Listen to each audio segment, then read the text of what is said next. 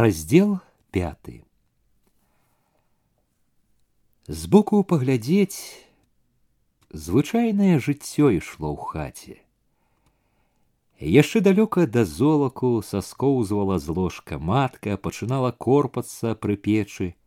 У водсвеце чырвонага полымя з печы мыла картоплю, сыпала ў чыгун, наливала воды, лупила картоплю на дранікі, спраўна мерна чыркала па тарцы.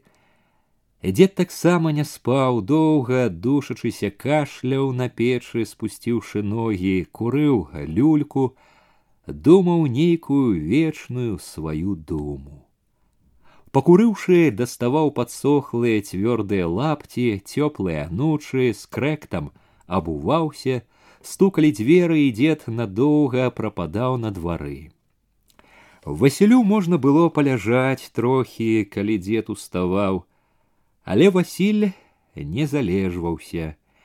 Не так клопат, як звычка і сумленне ўздымалі, таксама абуваўся і выходзіў у сцюдзёную ранішнюю цемраць глядзець гаспадарку.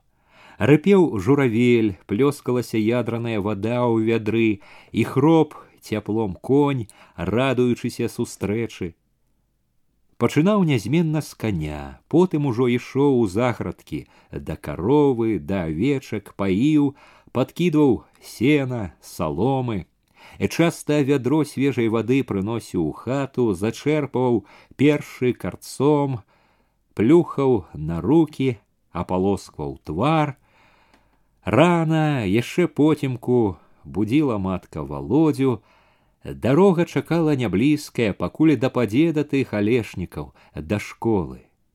Калі яна катурхала володя найчасцей толькі скурчваўся ды залазіў глыбей пад коўдру, тады матцы памагаў нецярплівы строгі Васілёў загад. Ну, гультай, цацкаюцца, як з малым. У хісткім святле лучыны володя санліва глытаў бульбу, надзяваў торбу з кніжкаю сшыткам, сунуўся на вуліцу, з якой нярэдка ўжо зваў яго гоман таварышаў. Не забыў хоць чаго глядзі, вечна ішла ўслед матка. Пазней за ўсіх, калі не будзіла дзіця, уставала маня. Седзячы на ложку доўга спала, пазяхала ў голас, чухалася, ніяк не магла прачнуцца. Матка ледзь не кожны раз пры гэтым пачынала яшчэ больш завіхацца. Лагодным голасам раіла паляжаць яшчэ, няма чаго ўставаць ні свет ні зара, адна тут управіцца. Зноў жа малое не давала паспаць па-людску. Маня сапла крывілася недовольна і часта лажылася зноў. Здаралася, што Васіль і не бачыў, калі яна ўставала. Удзень Васілі найбольш быў у гумне, малаціў. І зняўшы з шула цэп, размахваўся, біў і біў па разасланым жыце, па ячменю, пад якімі чулася цвёрдасць тока, зграбаў салому, падмятаў зерне, зноў зносіў, рассцілаў снапы, мерна, звыкла цупаў бичом. Часам прыходзіў дзед, памагаў веяць збожжа, заходзіла матка, ці звала абедаць, ці прыносіла чаго-небудзь пад'есці, памагала адграбаць салому. Вярнуўшыся са школы, зазіраў володя. Калі аднойчы Васіль спатнелы, зморана варушачы плячыма выйшаў з гумна малы ўзяў важкі доўгі цэп натужваючыся размахнуўся біч мала не зачапіў галавы а калі володя выцяў па снапах балюча рванула руки але володя не адступіўся сапучы падняў цэп другі раз трэці василь хутка вярнуўся, хмурна попракнуў: вырас под жаніха цэпам выцяць не можаш. От зараз, глядзі, загарэўся володя. Ён чырвоны ад натугі ударыў бичом што сілы, канешне, як сам Васіль, але Васіль быццам і не заўважыў, строга загадаў аддаць цэп, стаў моўчкі малаціць, як бы володзі тут і не было. Дятліха і дзед дзяніс найбольш гаспадарылі на двары у хляве, паілі жывёлу, кармілі, падкідвалі падсцілку. У хаце дзед то лез на печ, то рэзаў на лаўцы тытунь. Маці паліла ў печы, маня гушкала дзіця, памагала свякрусе, тая, акрамя ўсяго пільна сачыла за меншым, прымушала садзіцца за стол, чытаць і пісаць урокі, што зададзены на дом.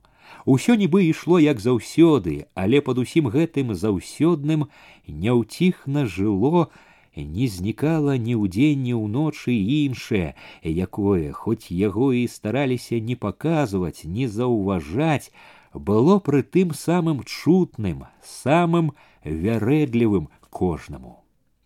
Тая нягода, якая неспадзеўкі для ўсіх акрамя Васіля укацілася ў хату, калі бугай на ўсё сяло раскрычаў пра тайныя Васілёвы дыганніны спатканні не забывалася, не ціхла ніколі, яна была, чулася, турбавала ўвесь час. Нікому не было вядома, чым яна гразілася. Усе адчувалі гэта і ўсе жылі ўжо не так, як жылі яшчэ нядаўна.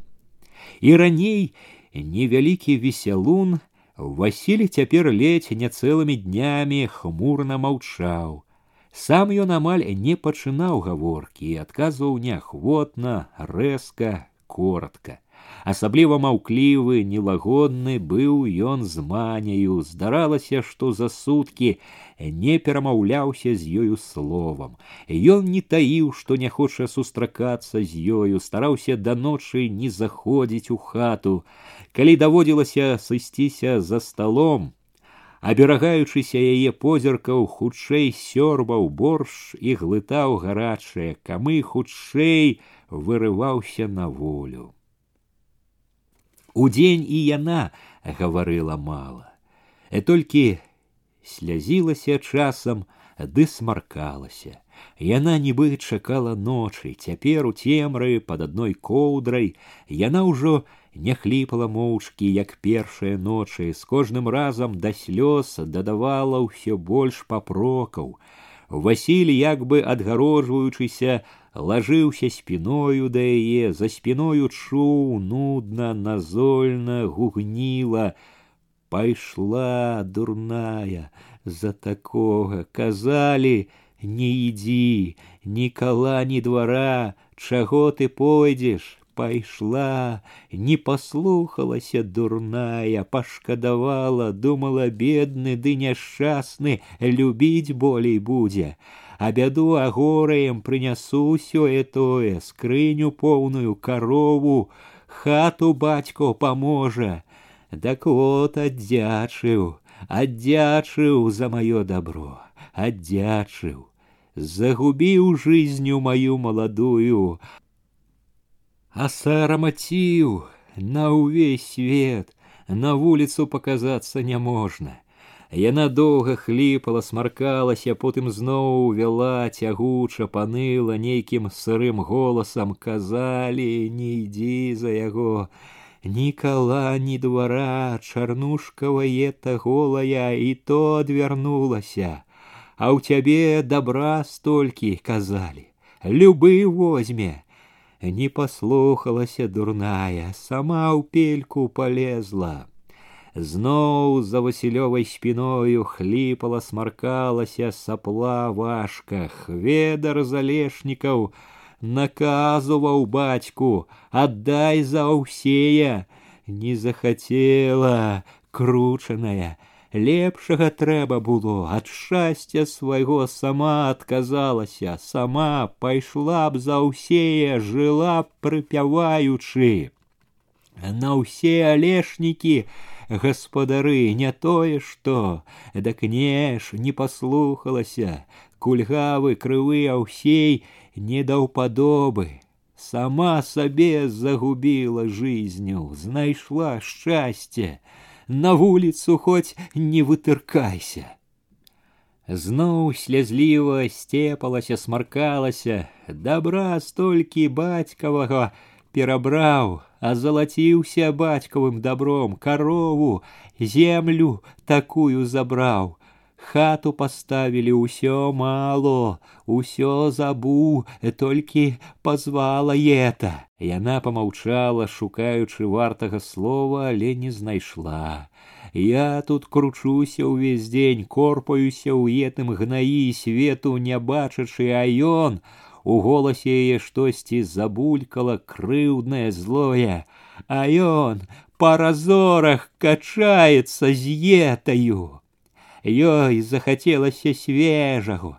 Яна крутнула хвастом, дак ён і пабег да яе, па разорах качацца, покуль жонка корпаецца ў гнаі, жарабец, кныр паганы.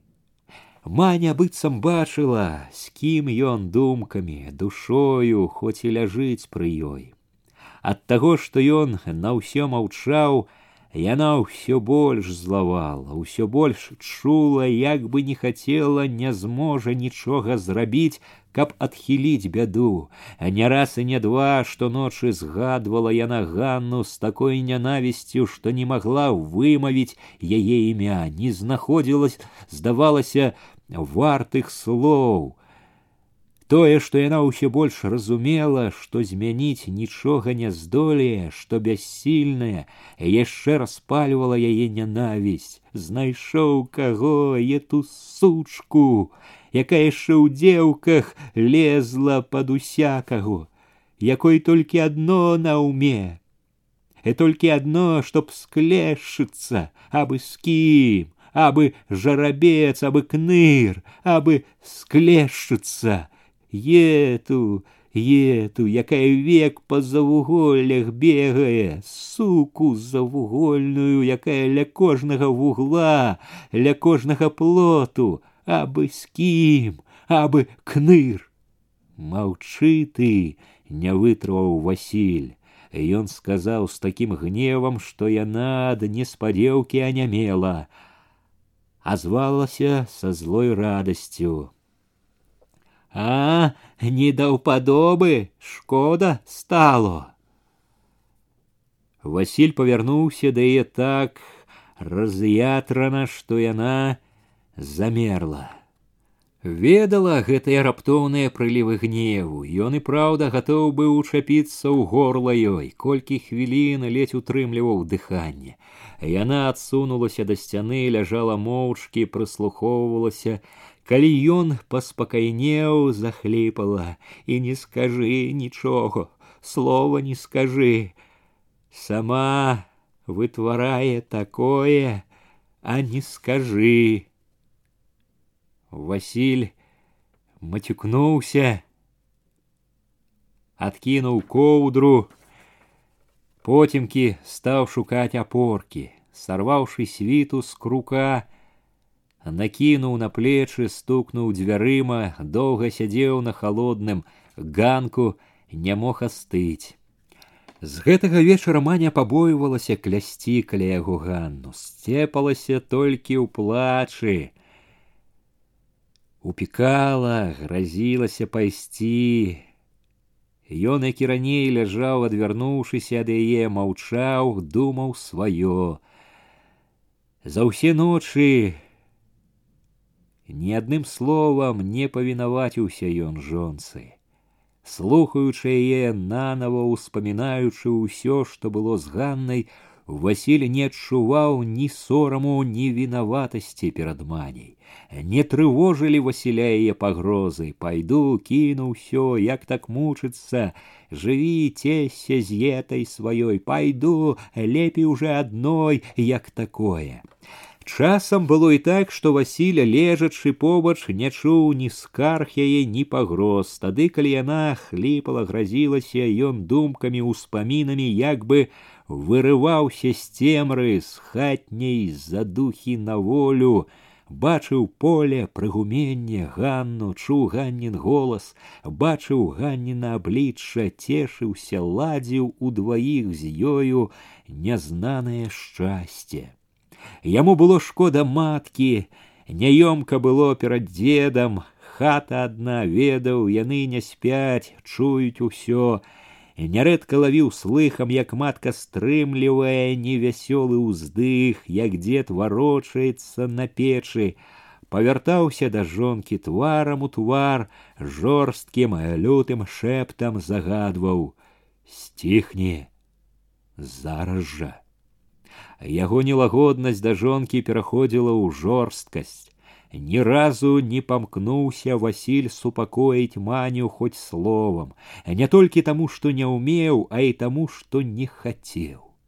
Аднойчы ноччу яна прытулілася да яго спины, пяшотна пагладзіла, а потым нават пацалавала. Васіль, які раней не любіў лізання, непрыхільна варухнуў плячом, як бы загадваючы адкаснуцца выдумала, знайшла час, падумаў як пра недарэчнае. Але яна не адхінулася, зноў стала туліцца да спіны лашчыць яго.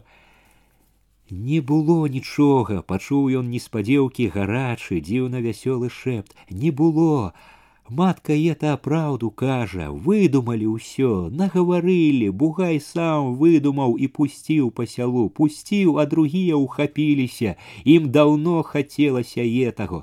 Завидно было, что хату такую ставим, что разживаемся, не тое, что некаторыя. От бугай і выдумаў, а ўсе ўхапіліся са зла, зайздрасці.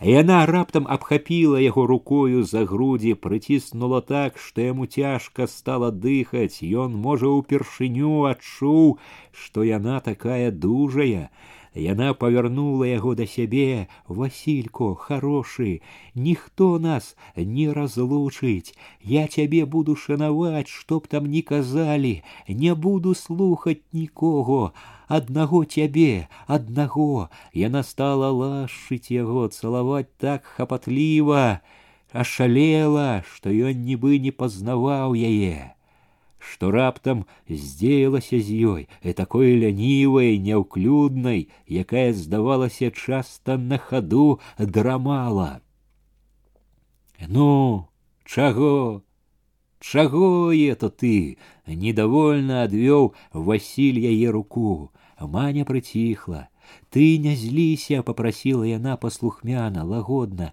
я это з радости думала уже что конец ісці уже думала до дому акурат заплакала малое яна устала забрала яго лежачы стала кормить Сэ, як п'яўка прамовіла довольна, покуль усё не выцягне, не адарвеш, здаровы як бык, накормивши хлопца, положила меж собой и Василем. Поляжи вот тут с батьком, потесься. Давно не ляжали разом, сказала Василю. Думаешь, ён малы не чуе з кім ляжыць бацько ці хто другі чуе ўсё разумее калі хлопец заснуў палажыла яго ў калыску зноў пачала лашыць васіля Васіль не адводзіў яе рукі, не гаварыў ёй нядобрага, але на пяшчоты, як і раней не адгукаўся. Яна хутка перастала песціць яго і ляжала ўжо моўчкі, таксама думала пра нешта. Што можа зрабіць адзін дотык ціхага, цёплага цельца дзіцяці?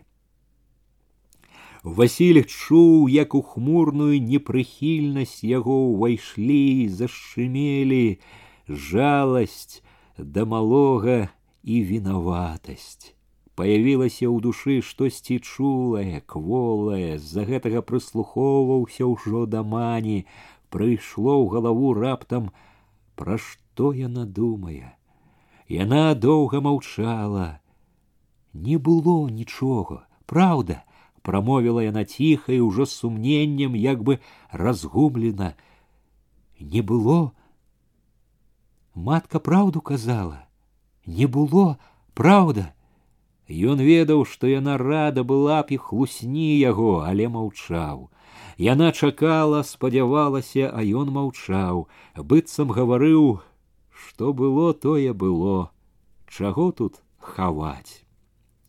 Яна сама адсунулася, уткнула галаву ў падушку. Васіль улавіў, як матка на палацях пры печы важка ўздыхнула. У тым прытоеным, няпэўным жыцці, якое хавалася пад звыклай зманлівай абыдзёнасцю клопатаў, што ўздымалі яшчэ потемкі ўсіх у хаце, найбольш няпэўнасці незлагаднасці было ў васіля ішлі дзень за днём а васіль усё не мог дайсці да якой небудзь цвёрдасці усё нібы круціўся на раздарожжы былі праўда і цяпер хвіліны калі сэрца поўніла адвага калі чулася незвычайная ўзнёслая лёгкасць усё важкае блытанае рвалася былі толькі дзівосная лёгкасць і шчасце Ён нібы зноў быў з ганнай, і Ганна была яго, і нікога не было між іх і нікога навокал. Былі бачылася ўжо чалавекам і жонкай, не збягаліся потай кратком, а жылі разам у адной хаце, ішлі разам у поле, разам дбалі пра гаспадарку, Васіль проста ў вачавіткі бачыў, як яна нясе зелля парасятам, як доіць карову. У потемку душных начэй мроілася, як яна падыходзіць да ложка, кладзецца побач, як ляжыць, дакранаючыся да яго грудзямі, як ён пальцамі абцінае гарачую кругласць яе пляча, як рука бяжыць за спіну ёй, як ён туліць яе, Ён чуў, што ў яго ад адных думак усё ўсярэдзіне гарэла пякучым, нецярплівым полымем, і тады і помсліва зларадна ўспамінаў, Праўду казала, якое это жыццё, калі не любячы мучыся, Нашто і жыць так? Хто мяне прывязаў, канешне, хадзіць век прыетай, не любячы, жаніўся, дак можна і разжаніцца, не тыя, не старыя часы, цяпер не тое, што ў старыя часы. Але вось жа бяда і лёгкасць і яснасць неўзабаве кудысьці прападалі, і прападала рашучасць з галавы як бы выходзіў выветрываўся хмель лес холодны нядобры роздум усё зноў пачынала бачыцца хісткім блытаным цьмяным куды не падайся гушчары гушчар чапляецца за ногі за руки коля твар хто прывязаў канешне а хіба не прывязаны прывязаны дышчэ не адной вяроўкай і прывязаны і звязаныя па руках і нагах. Чым далей адыходзілі тыя вечары ночы, калі ўпершыню адчуў сябе на безвыходным раздарожжы, тым менш гаркаты было ў думках, менш пякло, нібы прыцярпеўся к бядзе. Нявесела плёўся не раз ужо ходжанымі разорамі разваг, кожны раз спатыкаўся аб адно і тое ж і ўсё больш безнадзейна бачыў, што выхаду няма, што ўсё звязалася ў вузел, які не развязаць, толькі рэзаць, рэзаць па сваім сэрцы. Днём амаль не было гарачкавых відовішчаў і думкі былі больш важкія павольныя і ўсё навокал малявалася яшчэ горш блытаным неразвязным усё куды б не павёў вачыма нагадвала пра тое што жыве на зямлі сярод людзей ці бачыў деда матку дзіця ці ішоў па двары нёс вядро вады каню ці з прыгумення бачыў, як ходзяць па згалелых агародах, едуць па пустым полі людзі, ці проста бачыў даўнія замшэлыя стрэхі. Грудзі ціснула адчуванне няпростасці ўсяго ў свеце, трываласці векавечных парадкаў. Ніколі яшчэ ён столькі не думаў, як у гэтыя дні і ніколі не было ў яго думках столькі няроўнасці, супярэчлівасці, то ён гатоў быў ужо змірыцца з тым, што ёсць. Як склалася, так склалася, не пераменіш позно мяняць. Раней трэба было думаць, пачынаючы. Тады часам папракаў думка Ганну не захацела разам, калі можна было глушаковаго шчасця паспытаць захацелася, спахвацілася цяпер, як усё так завязалася, а то раптам за чаем находзіла рашучасць пайду, кіну ўсё, прападзі яно пропадам, чтоб век за яго мучыцца. Ужо ішоў, каб аб'явіць усім, ішоў рашуча, потым запавольваў хаду, зусім спыняўся, як ён кіне ўсё такую зямлю хату коня лепшую долю таго што нажыў лепшы свой набытак ён нібы спрачаўся з сабою ледзь не ўвесь час ледзь цверазеў ён лезла да яго гняло разуменне нейкай неправамернасці недазволенасці гэтага шчасця нібы ніякага права не меў ужо ён на гэта любоў ганну нібы ён хацеў браць тое што ўжо недазволено было браць нібы пераступаў закон нявольны не малады уже вярэдзіў заўсёды хтосьці разважны ў васілёвых думках, дадаваў нязменна неадчэпліва. Ганна по душы, мало што по душы, мало што хочацца, прайшла пора, калі рабіў, як хацелася, не хлопец уже. Чалавек сталы, гаспадар, так і рабі, як сталы, як гаспадар прызвычайны ўвесь век цярпець перакананы што жыццё цярпення ён і тут адчуваў трэба цярпець лёс бы наканаваў тое што некалі вяло ганну к яўхіму цяпер не пускала да яе васіля і вось жа бы знарок Ганна ўзлаваная даўно не пільнавалася гэтага закону абавязку, а Васіля ён трымаў, звязваў яго і ўчынкі і думкі. Глядзі гаспадарку, гаруй, цярпі, любіць, не любі, не хлопец, толькі ж чаму так цяжка было адагнаць недазволенае гэтае. Як жа я без яе? як яна усё вярэдзіла яго. Сярод гэтай зменлівасці адна думка шчымела заўсёды малое. У тыя дні яно часта аж заходзілася з крыку, нечага балеў жывоцік, ашалелая ад дзіцячага плачу ад страху, роспачы, маня раптам закалацілася, крычы, крычы, чтоб табе немач, як ты слухаць не хочаш нічого крычы крычы покуль бацько твой цешыцца са ўсякімі крычы мой ён пачуе што табе баліць мо пабачыць што не ўсім так соладко як яму крычы крычы чтоб ты выпруцілася як ты не ў час выйшло на маю бяду Васіля ледзь не кінуўся на яе хацеў адабраць дзіця, але яна ўчапілася ў малое, залямантавала яшчэ горш, не чапа, ідзі, кета, ідзі, не дам.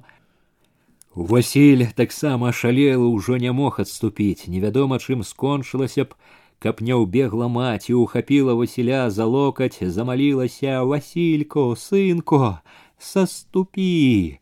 Ён не адразу і неахвотна адышоў, стаў шукаць нешта ў прыпечку, сам не ведаў што краем увагі адзначыў што маня стала гушкаць дзіця калі малое прыціхла загаварыла спакойней не плач не пачуе ён яму абы самому цешыцца напрарочыла малому стараючыся ўкалоць васіля наплачашся яшчэ накрычыся такога бацьку маючы сіратою ходзячы пры жывым бацьку покуль ён будзе цешыцца Матка перахапіла Васілёў позірк і дала знак вачыма: не чапляйся, саступі. Ён выбег на двор, доўга тупа ў хляве ў павеці не мог супакоіцца. Васіль ніколі раней не думаў, што можа быць да некага такая жаласнасць. Ён і раней не вельмі песціў сынка, цяпер зусім не падыходзіў, як бы не было яму нейкага неадменнага права, а ў душы заўсёды, асабліва пасля той сутычкі чуў незвычайную чулую жаласнасць да малога. З ёй амаль кожны раз ажывала нешта сарамлівае, вінаватае, асабліва калі выпадала сустрэцца з круглымі цікаўнымі вачыма, калі малы паказваў усмешкаю першыя зубкі, як і ўсё кволае, пяшчотнае Васіль хаваў сваю жаласнасць. Але маня добра разумела, чым яму можна мацней дадзець аб'яўляючы, што пойдзе да бацькоў, ніколі не забывала сказаць, што возьме сына, не дасць на згубу гэтай душагубцы.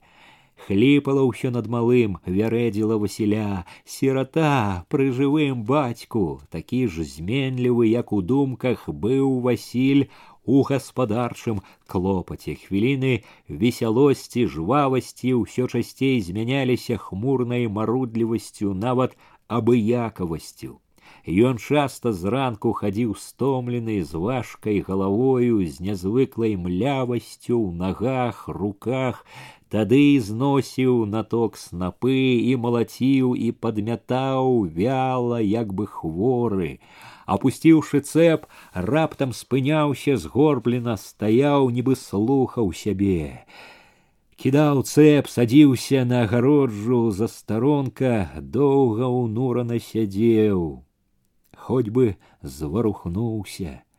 Не раз падоўгу стаяў, як здранцвелы, калі карміў коня. Стоячы пры кані Васіль цяпер іншы раз не бачыў, як ён цягне галаву к сену, як знаёма туліць чуйныя вушы грыве, не чуў, як ён шчыра хрустае сенам, не заўважаў таго, што бывала, век цешыла. Іншы раз конь, здзіўлены такой няўважнасцю гаспадара, пераставаў жаваць, паварочваў мяккую храпу, спачувальна ўглядваўся вільготнымі вачыма, дыхаў цёпла ў самы Васілёў твар. Васіль, здаралася, ажываў, гладзіў, канчаку шыю, але весялеў рэдка, валокся старэча з хлява як і не было нядаўніх запалу напорлівасці нястомнай працавітасці за ўсе гэтыя дні васіль толькі раз зайшоў у новую хату што як і раней выстаўляла голыя рабрыны крокваў паплёт з аднаго боку так і быў прыбіты толькі да паловы столь таксама была недаложана у пройму між бэлек шарэла нізкае каламутнае неба Васіль прывёў володю паспрабаваў рабіць мераючы алехавай меркаю адрэзаў з братам некалькі дошак на столь паставіў адрэзкі пры сцяне на козлы каб можна было браць зверху загадаўшы брату астацца палез на гару пачаў усцягваць дошки хацеў залажыць пройму руки ўсё цела пагана слухаліся цягнучы одну дошку Ён няўдала павярнуўся, ледзь утрымаўся, каб не зваліцца долу дошка ўжо высока ўзнятая крутнулася і паляцела ўніз рабром тарца коса прайшла паўз володю грукнула аб падваліну трохі не па плячы азваўся хлопец дзіўна весела Васіля ўзяла злосць, гонячы мімалётны страх за володю кінуў неласкава, А ты не стой там. Дак яна ж не выцяла. Не стой, узвысіў голас Васіль. Ён сеў, згарнуў цыгарку, закурваючы хмурна загадаў ідзі дадому. Саўсім сказано, Саўсім. Болей рэзаць не будзем. Иди, Васіль дакурыў, пасядзеў яшчэ моўчкі, стомлена, плюнуў раптам злосна і стаў злазіць. Больш у хату ён ужо не заходзіў. Часам заходзілі суседзі, знаёмыя, першы зазірнуў зайчык. Спачатку плёў, нібы так сабе пражыта, пра маладзьбу Васіль слухаў моўчкі, не глядзеў на яго, чуў, што ўсё гэта подступ адно, што прыпёрся недзеля гэтага. Плятуць, як бы адказаў зайчык, параіў весела а ты, братку, не гляди, не слухай, не век аглядувацца ды слухаць усіх. Васіль зіркнуў з-пад лба, зайчык здалося глядзеў шчыра. Калі ето і пажыць, як не за маладу, пакуль спрэт малады ды сіла, я, братка, дробна па-сяброўску захіхікаў, у сваю пару таксама бу, не мінаў, дзе ўхапіць можна было, не мінаў. Любіў, братку, салодкага мяса ўхапіць, смак знаў етым, зноў захіхікаў, і цяпер рад бы, дак няма чым. Пасмактаў люлечку, загаварыў без смеху з павагай. Ганно, братку, дзеўка, это не тое, что твоя маня. Я, брат, сбоку бачу, нібы разважаў голас шчыра. А і ты ж упадабаўся нечым, бач, жила, жила з етым скорчыкам, а не ўжыла. Да цябе пацягнула, знайшла нешта ў табе, чаго у яўхіма няма. Нечым болей упадабаўся і пажыўшы столькі з карчом не забылася. І скажы ты рук яго не пабаялася, нічога не пабаялася, от баба, наравістая, з характарам. Бабы яны ўсе чэрці разбіраюць, хто ды што, у кожнай свой смак, а толькі ж терпяць и знаку не подают, что не даўпадобы, а это ж твоя не ўцярпела і перад кім, перад яўхімам, наравістая.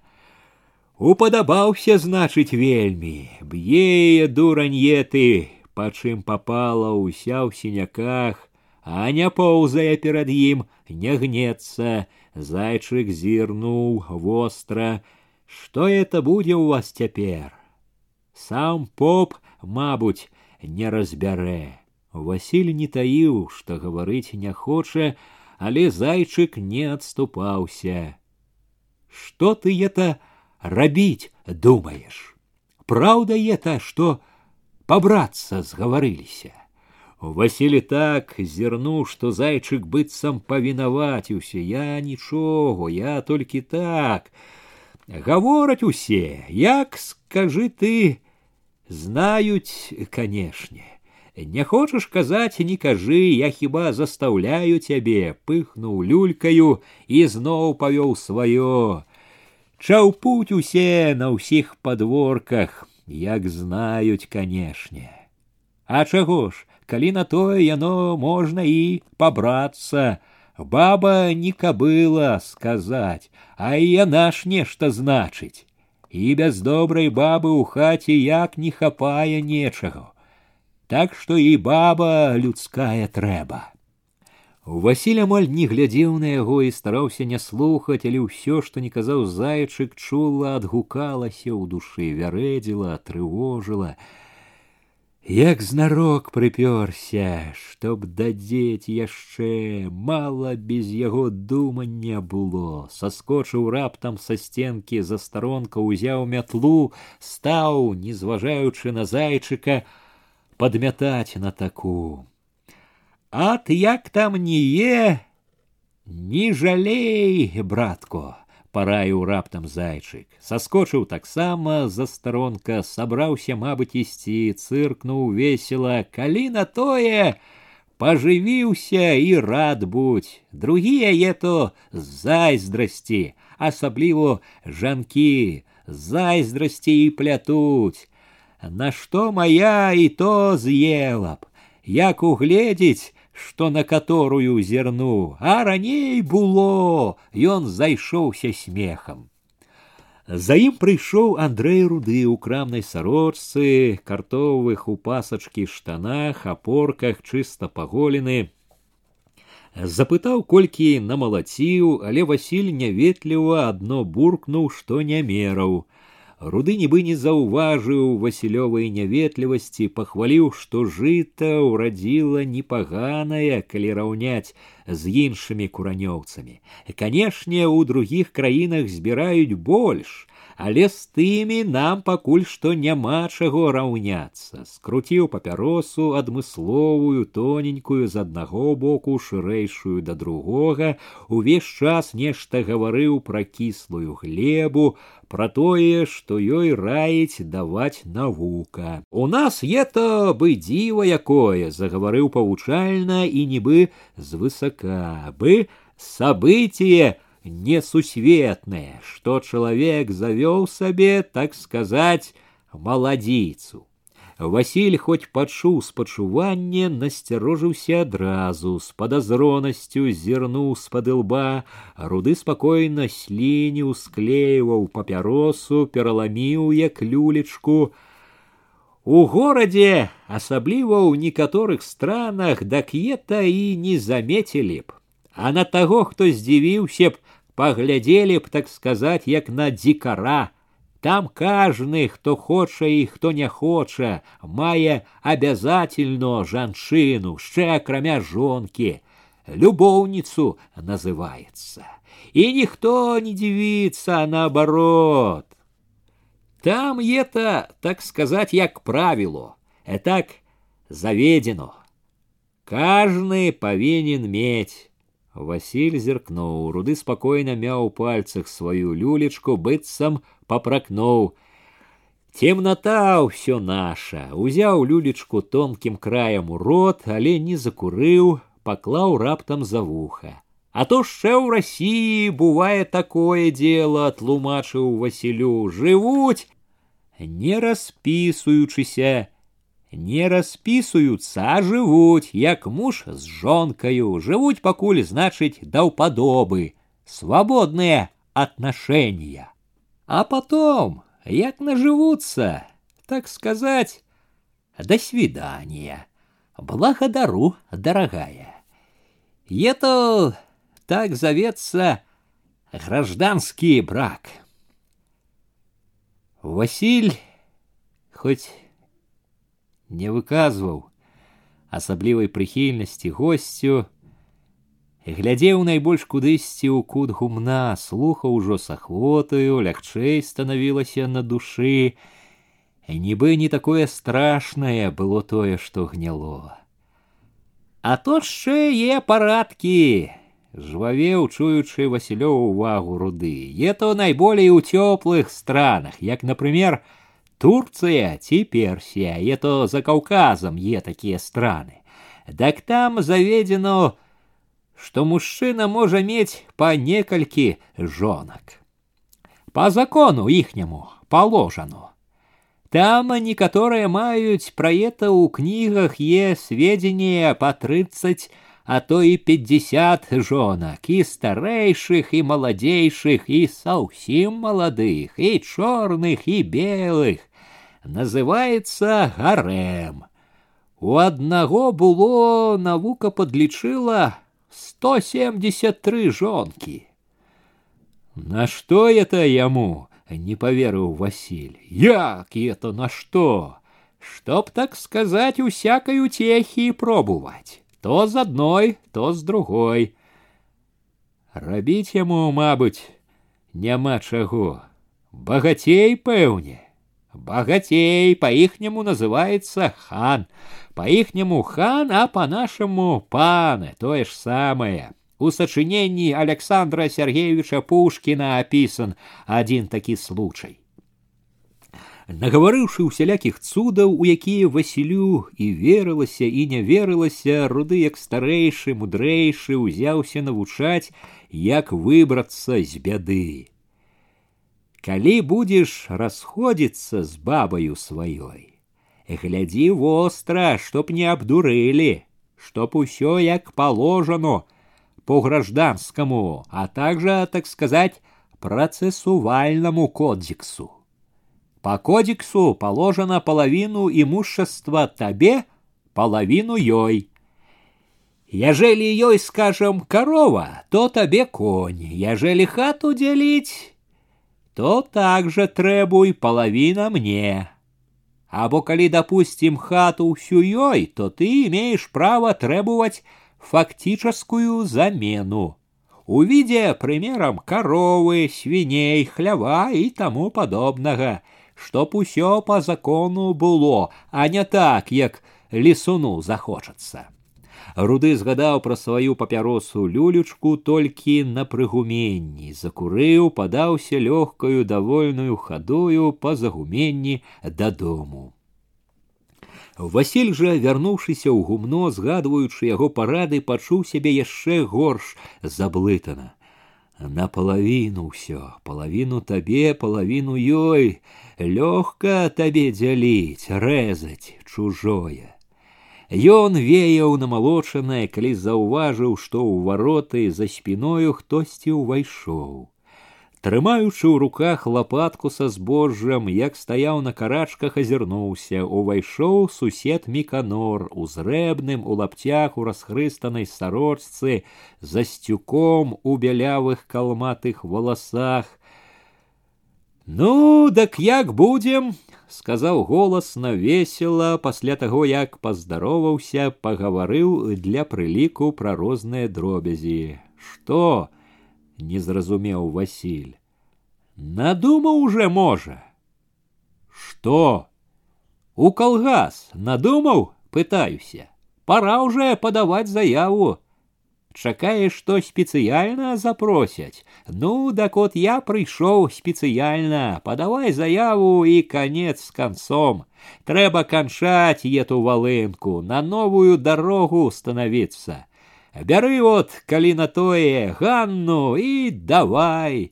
Зразу рассякай вузел, а не так калі на тое давай з дзвюма меканор засмяяўся абагульнім Васілі толькі ўнурыўся на яго смех. Мо памагці табе.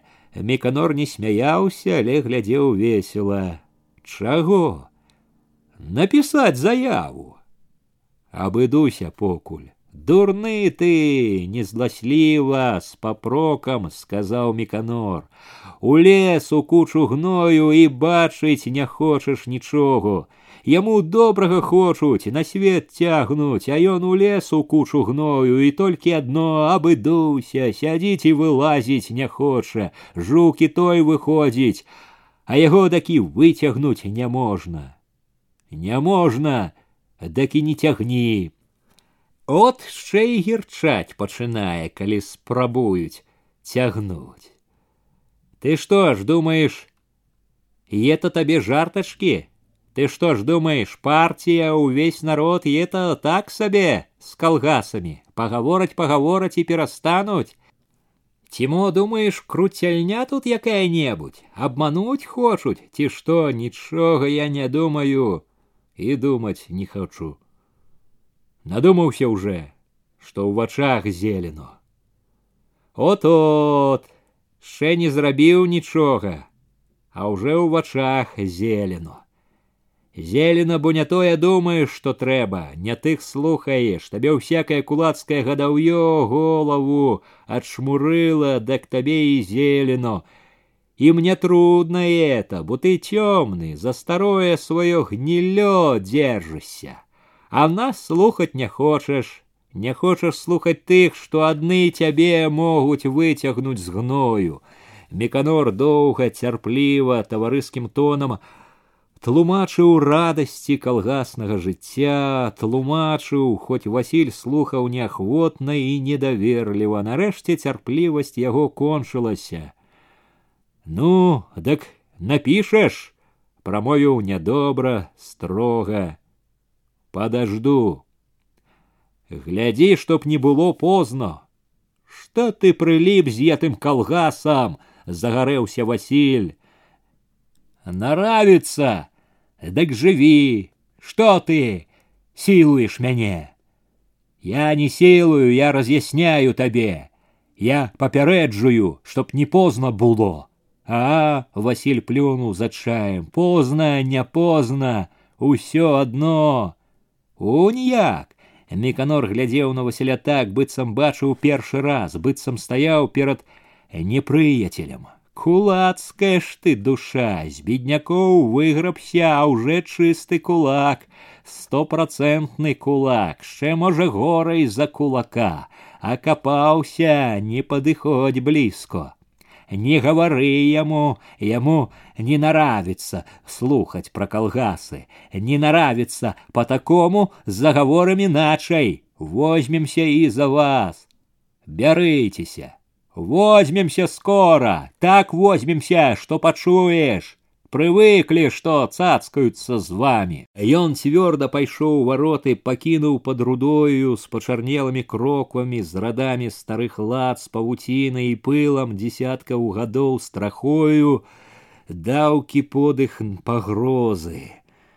Але пагроза гэта толькі распальвала Васіля. Возьмемся, грозіцца бярыцеся найшоў чым пужаць стомлены яшчэ тым неразвязным думаннем што было да меканора рашыў горача ўсё адно як так і рвацца Ён абыякова ўзяў цэп проста таму, што трэба ж было штосьці рабіць.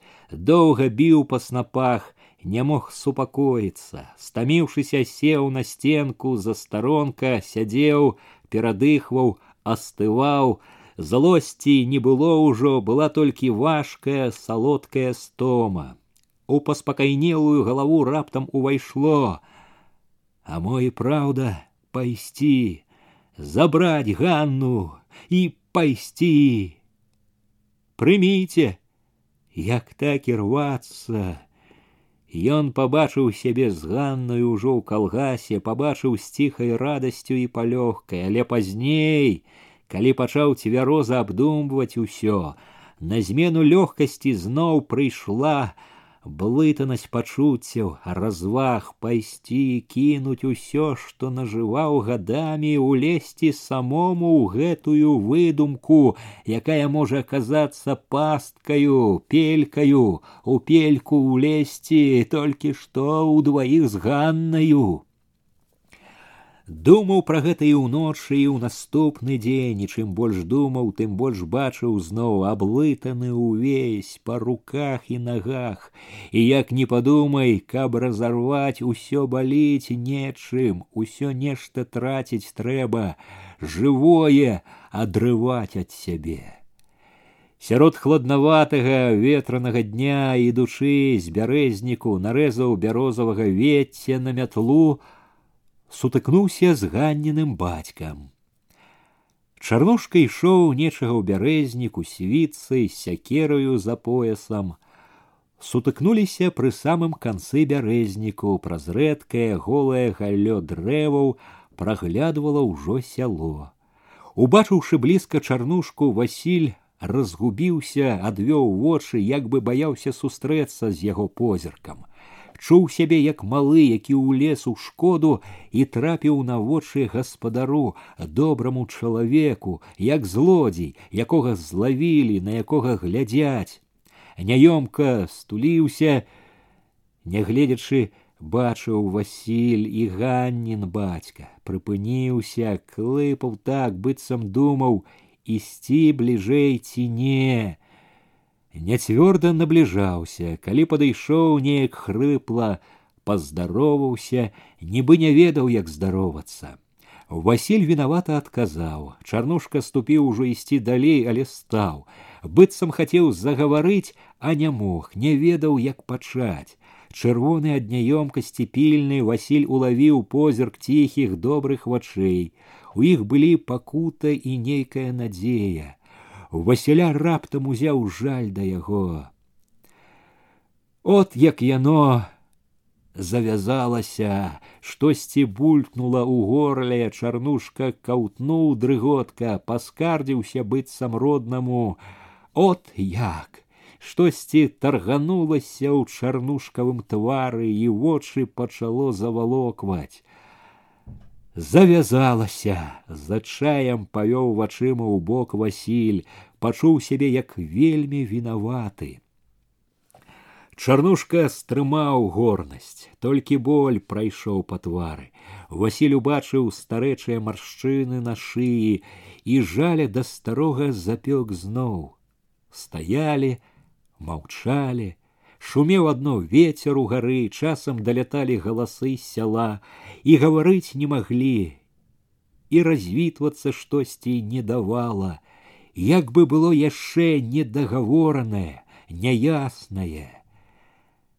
Не обижай яе, попросил раптам стары. Е ты гад, есть яе. У сіняках век у голасе старога пачуўся адчай. Дак ці ж я не хочу. Звядзе яе ты, не людь. Василь схаваў вочы, угнуўся. Як бы это выручыць яе. Я думаў уже, трудно это цяпер, трудно, стары пашкадаваў зноў, завязалася, завязалася. Усё-таки ты подумай, попросил с болем. Подумаю. Зноў маўчалі. Ну, бувай, першы схамянуўся выціснуў ганнін бацька мякка зычліва як роднаму бувайце ужо ідучы узболаткам васіль учуў сяла сабачы брэх брахалі карчовы вартавыя пачуў як бы нанова цераз пажоўклае куп'ё цераз голае гарод з вязкай вецця на плячы даплёўся да гумна да потемкаў малаціў падмятаў на таку веяў быў у клопаце і ўвесь час пяклі яго і вінаватасць і жаля да ганны да бацькі яе і турбота што ж рабіць думкі пра ганну ішлі з нейкім новым наплывам пяшчоты і імкнення да яе Усе гэтыя дні Васіль стараўся не сыходзіцца ні з кім. Кожны дзень бачыў за плотам дамеціка, дамеціху паказваў, што не заўважае. Калі хто-небудзь з дамецікавых браў ваду з калодзежа, Васіль павяртаў назад з пустым вядром. Неяк каля гумна ледзь не сутыкнуўся з ганненай мачыхай, адразу адвярнуўся, нібы спакойна пайшоў гумно, слухаў ці не ідзе ўслед. Здалёк здалося, што мачысе хацелася загаварыць з ім. Ткнулася была неяк зайсці сарока, загаварыла лісліва, але ён няветліва адышоў, падаўся к хлявам, паказаў, што не хоча растарэкваць з балбатухай гэтай. Два разы пільны Васіль бачыў, як паўз гумно за гуменнай дарогай праходзіў няхто іншы, Яўхім, один раз Василь назіраў за ім, пачуўшы блізка яўхімаў голас. Яўхім ішоў з ларывонам. Тады Васіль праз шчыліну між бярвенняў, з якой біла святло, заўважыў, як і раз і другі адказваючы ларывону, Яўхім зірнуў к яго гумну к двару, нібы шукаў яго васіль бачыў глядзеў позіркам чалавека які гатоў зарэзаць другі раз васіль убачыў яўхіма зводдалек не стаў чакаць пакуль той падыдзе як мог спакойна падаўся з гумнішча на двор ідучы чуў на спіне ненавідны затоена люты позірк здавалася яўхім рвецца схапіцца з ім шукае толькі зручнага выпадку. Васіль, што не хацеў ні з кім бачыцца, менш за ўсё хацеў сустрэцца з яўхімам. Не тое, што баяўся, Васілій сабе самому не паказваў, што можа баяцца. ёсць каго яму баяцца карча, а ўсё ж сустракацца з ім аберагаўся, нічога добрага не зычыла яму гэта сустрэча. І трэба ж, усё-таки сустрэліся. У такі час, калі Васіль не чакаў, на курані легла ўжо важкая асенняя цемра, каб трохі далей былі, разышліся б, не пазнаўшы, але сутыкнуліся ў вочы ў вочы. А, сказаў Яўхім злавесна радасна. Вот хто! Васіль прамаўчаў, пачуў, як брыдкая млоснасць кволіць руки, ногі усяго, стараўся адужаць яе, думкамі рыхтаваўся да бойкі. Як толькі рынецца крутнуцца ў бок і даць самому па сківіцы, па п'янай пысе але не ўправіўся і варухнуцца як ад лютага пудовага кулака загуло ў галаве пачуў моцны удар па назе ледзь устаяў сляпы ад болю крыўды кінуўся на яўхіма з усёй сілы сунуў кулаком у твар трапіў здаецца ў нос корч аж енкнуў васілю момант адскочыў плоту ухапіўся за кол хітнуў стараючыся вырваць кол паддаваўся туга але васіль рваў яго яўхім стаяў у потімку нерухома чамусьці не кідаўся біцца заскрыпеў зубамі шкадуючы за чаем вылаяўся не бойся неспадзеўкі прасіпеў хвіліну маўчаў зноў гатоў быў чуў васіля люта кінуцца на яго учапіцца ў горла і стрымліваў сябе за чаем не тут это рабіць заб'ю міліцыя ўхопіць зразу прасіпеў з нястоеным шкадаваннем са злосцю у тюрму неахвота ці ў лес бегці жизнь губіць за этакаго. Але знай, голас стаў важкі грозны, знай смярдзючы ўдот. Будзе момент. Я подлаўлю. Сам про сябе подумай, чтоб цябе не подлавіў хто.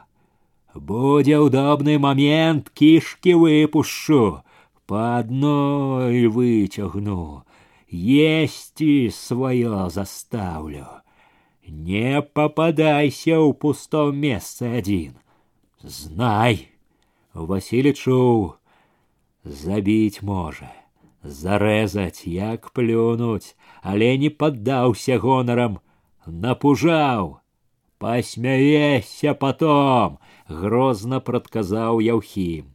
Пастаяў крыху, як бы для таго, каб Васіль падумаў, важка пасунуўся ў цемру.